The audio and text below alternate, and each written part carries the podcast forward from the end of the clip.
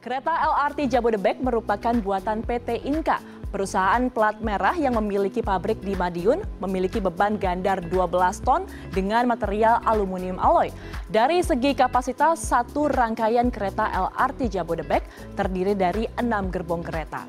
Satu rangkaian kereta mampu menampung sebanyak 740 penumpang yang terdiri dari 174 penumpang duduk dan 566 penumpang berdiri. Jika kereta dalam kondisi penuh, LRT Jabodebek dapat menampung hingga 1.308 penumpang dalam satu kali perjalanan. Kemudian dari sisi kecepatan, LRT Jabodebek memiliki kecepatan maksimum 80 km per jam. Sedangkan kecepatan desainnya bisa mencapai 90 km per jam. Adapun jarak waktu kedatangan antar kereta atau headway sekitar 3 sampai 4 menit. Headway ini dapat diperpendek lagi jika melihat kemampuan sistem LRT Jabodebek yang mampu memperpendek jarak waktu hingga satu setengah menit.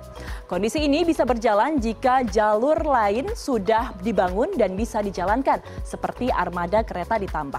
Saat ini PT Kereta Api Indonesia Divisi LRT Jabodebek sudah menerima 29 rangkaian LRT dari total 31 rangkaian yang diproduksi oleh PT Inka.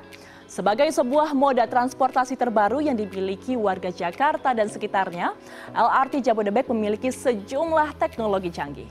Antara lain didesain menggunakan tingkat otomasi Grade of Automation atau GOE level 3 yaitu menggunakan sistem driverless atau tanpa pengemudi. Pada sistem ini pengoperasian LRT dikendalikan oleh OCC atau Operation Control Center. Tidak ada masinis di dalam kereta, namun tetap ada petugas yang berjaga untuk kondisi darurat.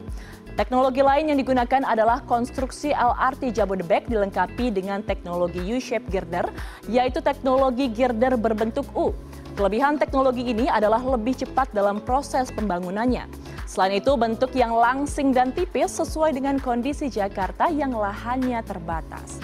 U-shape girder juga dapat mengurangi polusi suara saat LRT beroperasi karena girdernya bersifat meredam suara. Konstruksi LRT Jabodebek dipastikan aman dari gempa karena teknologi U-shape girder yang tahan gempa. Selain itu juga terdapat tambahan lead core rubber bearing yang dipasang pada struktur proyek. Teknologi ini meningkatkan ketahanan struktur dalam menghadapi resiko gempa bumi karena komponen bantalan mencakup karet dan baja, sehingga dapat meredam getaran dan menurunkan respons guncangan.